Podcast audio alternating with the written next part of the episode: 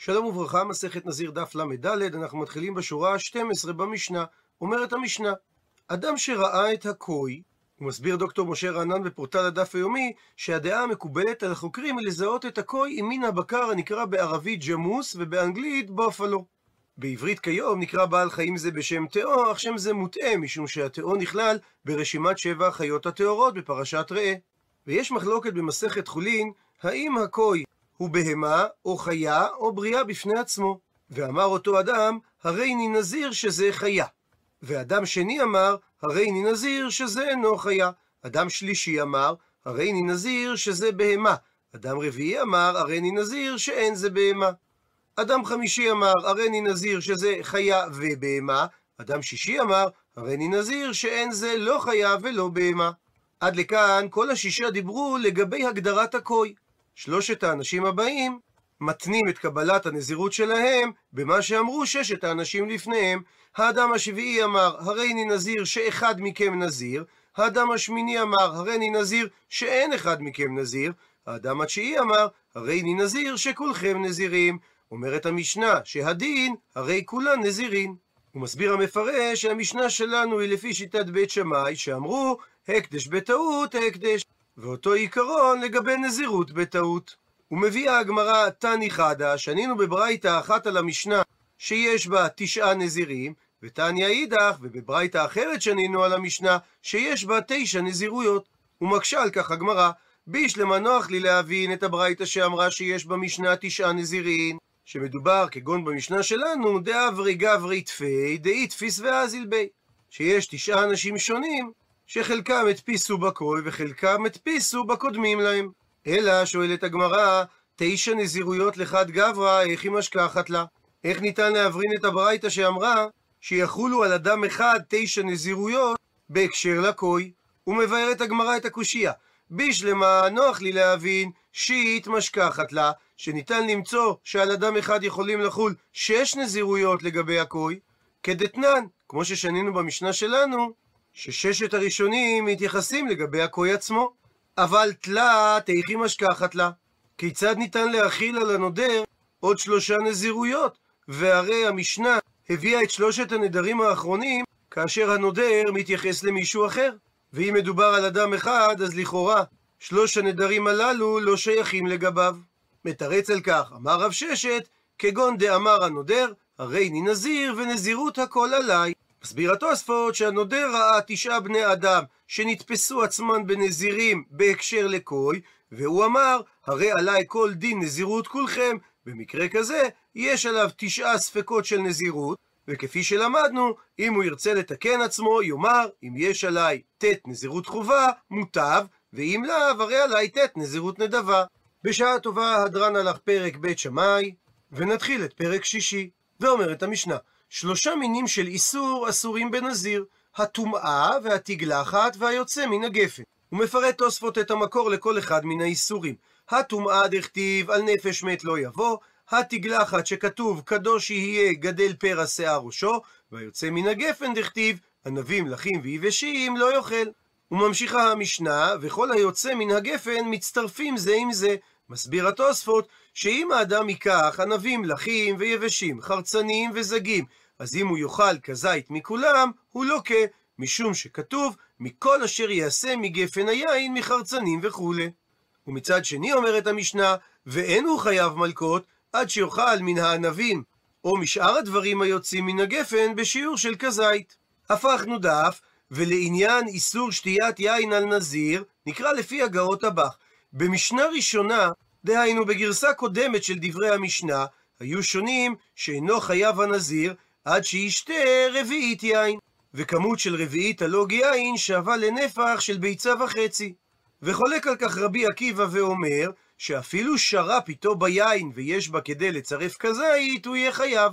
זאת אומרת שלרבי עקיבא יש שני חידושים בדבריו. החידוש הראשון, ועליו תדבר הגמרא בהמשך, שהיתר מצטרף לאיסור. שהנזיר יהיה חייב אפילו אם הוא לא אכל כמות של כזית נטו, אלא שהדבר האסור הצטרף לדבר של היתר, וביחד הם היו בכמות של כזית. החידוש השני בדברי רבי עקיבא, ובו הוא חולק על דברי המשנה הראשונה, ששיעור שתיית משקים האסורה על הנזיר, זה כדי זית ולא רביעית. וממשיכה המשנה, וחייב הנזיר על היין בפני עצמו, ועל הענבים בפני עצמם, ועל החרצנים בפני עצמם, ועל הזגים בפני עצמם. רבי אלעזר בן עזריה חולק ואומר, שאין הנזיר חייב עד שיאכל שני חרצנים וזג. מפני שלשון הפסוק, מחרצנים ועד זג לא יאכל, וחרצנים זה לשון רבים, מיעוט רבים שניים, וזג לשון יחיד. הוא מבאר את המשנה, אלו הן חרצנים ואלו הן זגים. החרצנים אלו החיצוניים, הזגים אלו הפנימיים. זה דברי רבי יהודה. רבי יוסי לעומת זאת אומר, שלא תטעה, כזוג של בהמה, החיצון נקרא זוג, והפנימי נקרא ענבל. זאת אומרת, לפי רבי יהודה, חרצנים זה הקליפה החיצונית של הענב, וזגים זה הגרעין של הענב, ולפי רבי יוסי בדיוק להפך, חרצנים זה הגרעין של הענב, וזגים זה הקליפה החיצונית של הענב. ונתן רבי יוסי סימן לדבריו, שהחלק החיצוני של פעמון הפרה נקרא זוג, והחלק הפנימי נקרא ענבל. ועל ידי הסימן הזה קל לזכור ששיטת רבי יוסי, שהחלק החיצוני בענבים נקרא זג, כמו שהחלק החיצוני בפעמון הפרה נקרא זוג. המילה ענבל, דרך אגב, מקורה כנראה במילה יוונית ולא בהרחבה של המילה עיניו. הוא מצטט את הגמרא, שלושה מינים אסורים בנזיר, אטומה וכולי. את הגמרא, דווקא דבר היוצא מן הגפן אין, אכן הוא אסור על הנזיר, אבל הגפן עצמו לא אסור על הנזיר. ואם כך, מתניתין, משנתנו דלא כרבי אלעזר דתניא, שכך שנינו בברייתא. רבי אלעזר אומר, אפילו עלים ולולבים במשמע. שרבי אלעזר סובר שהנזיר אסור אפילו לאכול מהעלים של הגפן, וגם לא מקנוקינות הגפן אחרי שהם התקשו והפכו לעץ. איכא דאמרי לה. יש גורסים את דיוק הגמרא מהסיפא של המשנה, שכתוב בסיפא של המשנה, אינו חייב אלא עד שיאכל מן הענבים כזית. הוא מדייק את הגמרא, מן הענבים אין, אכן, אסור לו לאכול בכמות של כזית, אבל מהגפן עצמו לא אסרו עליו לאכול. ואם כך, מתניתין דלא כרבי אלעזר, דתניא ששנינו בברייתא, רבי אלעזר אומר, אפילו עלים ולולבים במשמע. ושואלת הגמרא, במאי כמפלגי? במה נחלקו רבי אלעזר והתנא של משנתנו? עונה הגמרא, רבי אלעזר דריש ריבויי ומיעוטי, רבנן דרשי כללי ופרטי. חכמים דורשים את לשון התורה בכלל ופרט, ורבי אלעזר דורש את לשון התורה בריבוי ומיעוט. הוא מפרט את הגמרא. רבי אלעזר דריש ריבויי ומיעוטי. לכן, כאשר כתוב בתורה מיין ושחר יזיר, ולא מדברים אחרים, הרי שמיעט הכתוב. אבל כאשר כתוב מכל אשר יעשה מגפן היין, הרי שיש פה ריבוי, ולכן ריבה. במבט כולל, יש פה מיעט ואחר כך וריבה, והדין במקרה כזה שריבה הכל. ומסבירה הגמרא, מהי ריבה? ריבה כל מילה. ריבה לאסור על הנזיר כל דבר שקשור לגפן. ומהי מיעט? מיעט שבישתא, שאת הזמורה, הענף הקשה של הגפן, מיעטה התורה, שזה דבר שאינו אסור על הנזיר. ורבנן לעומת זאת, דרשי, הם דרשו את הפסוקים באופן של כללי ופרטי. ולכן, כאשר כתוב מיין ושחר יזיר, דורשים חכמים שזה פרט. וכאשר כתוב מכל אשר יעשה מגפן היין, דורשים חכמים שזה כלל. ובשונה מרבי אלעזר, שעצר כאן ולא דרש גם את הפסוק הבא, כי הוא דרש כמו רבי אלעזר בן עזריה במשנה, חכמים כן דרשו, שכתוב מחרצנים ועד זג, הרי שחזר הפסוק ופירט. כך שבמבט כולל, יש כאן פרט וכלל ופרט, ובמקרה כזה אי אתה דן, אלא כאין הפרט. באופן הבא, מה הפרט? המפורש בתורה מתייחס לפרי הגפן ופסולת פרי הגפן, אף כל דבר אחר שהוא פרי הגפן ופסולת פרי הגפן יהיה אסור על הנזיר. אבל העלים והלולבים של הגפן הם אינם פרי הגפן, הם אינם פסולת פרי הגפן, ולכן לפי חכמים הם יהיו מותרים על הנזיר. כך שלא תהיה לו בעיה לאכול מנת קרב עם מלא גפן ממולאים. מקשה הגמרא, אבל אולי תלמד היא מה הפרט מפורש פרי גמור, אף כל פרי גמור של הגפן הוא בכלל דבר האסור על הנזיר, ודבר שאינו פרי גמור יהיה מותר עליו. מתרצת הגמרא, שהרי אמרת, אם כן, שרק פרי גמור הוא דבר שאסור על הנזיר, אז מה הניח לך הכתוב במשמעו של הפסוק שלא אמרו במפורש? שהרי ענבים לחים ויבשים הכתיבי, זה נאמר במפורש בפסוק. יין וחומץ הכתיבי, גם זה נאמר במפורש בפסוק. ואם כך, מה בא הפסוק לרבות? הבהכרח שאין עליך לדון כלשון אחרון, דהיינו כמו הלשון שהציע שהפרט המפורש הוא פרי גמור, אלא כלשון ראשון, שהפרט המפורש הוא פרי הגפן ופסולת פרי הגפן. וממשיכה הגמרא ומקשה, ומאחר שסופנו לרבות כל דבר שדומה לפרט, אז מה תלמוד לומר בפסוק מחרצנים ועד זג? הרי הפסוק הזה מיותר. עונה הגמרא, זה בא לומר לך, שבכל מקום שאתה מוצא בתורה פרט וכלל בלבד, אי אתה רשאי למושכו ולדונו כאין הפרט. אתה לא יכול להרחיב את הכלל שיכלול כל מה שדומה לפרט, אלא במקרה כזה נעשה הכלל מוסף על הפרט, כך שהוא מרבה כל דבר שתואם לכלל, אפילו אם הוא לא דומה לפרט, עד שיפרוט ויגביל לך הכתוב כדרך שפירט לך בנזיר, שלאחר שכתב את הכלל, בא וכתב לך שוב פרט, בלשון הפסוק מחרצנים ועד זג. ומצטטת עכשיו הגמרא משהו שהיא אמרה קודם כדי לדון בו. אמר מר, מה הפרט מפורש פרי ופסולת פרי? אף כל פרי ופסולת פרי.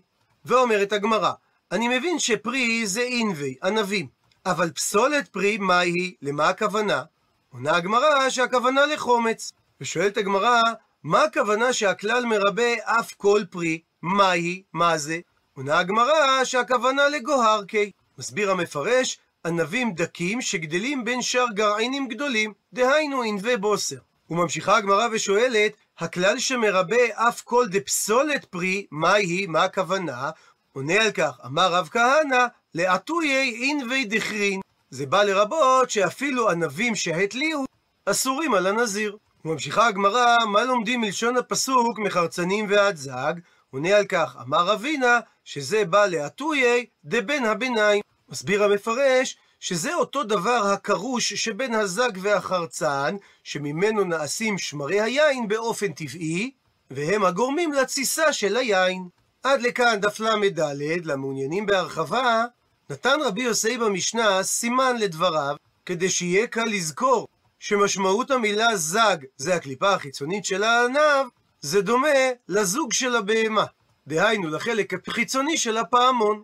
וזה מזכיר לי פעמון לא כל כך קטן שנמצא בגן הפעמון בירושלים. הסיפור שלו הוא כזה: בשנות החמישים ניתנה לכנסת ישראל כמתנה מהפרלמנט הבריטי המנורה המפורסמת, שניצבת עד היום ליד הכנסת. לצידה היה אמור להיות מוצב פעמון החירות, שהוענק לה גם כן כמתנה בשנת 1955 על ידי מושל פילדלפיה. מדובר בהעתק של פעמון החירות האמריקני. הוא הוצב באופן זמני בגן הוורדים, עוד לפני שמשכן הכנסת הוקם. במקום אף הוצב שלט שקובע שזהו רק מיקום זמני, וכי הפעמון יועבר בעתיד לשטח הכנסת שתיבנה. עבר זמן וזה לא קרה. אחרי כ-20 שנה, ב-1976, הפעמון הופיע בן לילה בגן עירוני במרכז ירושלים, שהיום מוכר לנו כגן הפעמון, אחד מסמליה של הבירה. ראש העיר המיתולוגי טדי קולק פנה במכתב אל יושב ראש הכנסת ישראל ישעיהו, וכך הוא כתב לו: הוא עלה רעיון להקים בלב ירושלים מול תחנת הרוח של השר מונטיפיורי גן שייקרא גן פעמון החירות. חשבנו בתחילה לרכוש עותק של הפעמון, ואז נזכרנו שבשטח הכנסת נמצא כבר עותק של פעמון זה. אולם, משום שהציבור הרחב אינו מרבה לחזות בו, נראה לנו שאין טעם לרכוש פעמון נוסף ולהביא לירושלים. הנני מבקש שהכנסת תעמיד לרשותנו את הפעמון שנמצא בגן הכנסת. ואכן, כעבור שבוע בדיוק, השיב לו יושב ראש הכנסת, ברצון רב, הנני נותן הסכמתי להצעתך הנ"ל, ואשמח אם תימצא צורה מתאימה שתציין כי הפעמון הועמד במקום שהוא עמד על דעת הכנסת או ברשות הכנסת, כדי שנצא ידי חובה כלפי התורמים. הפעמון אכן הועבר למיקומו הנוכחי.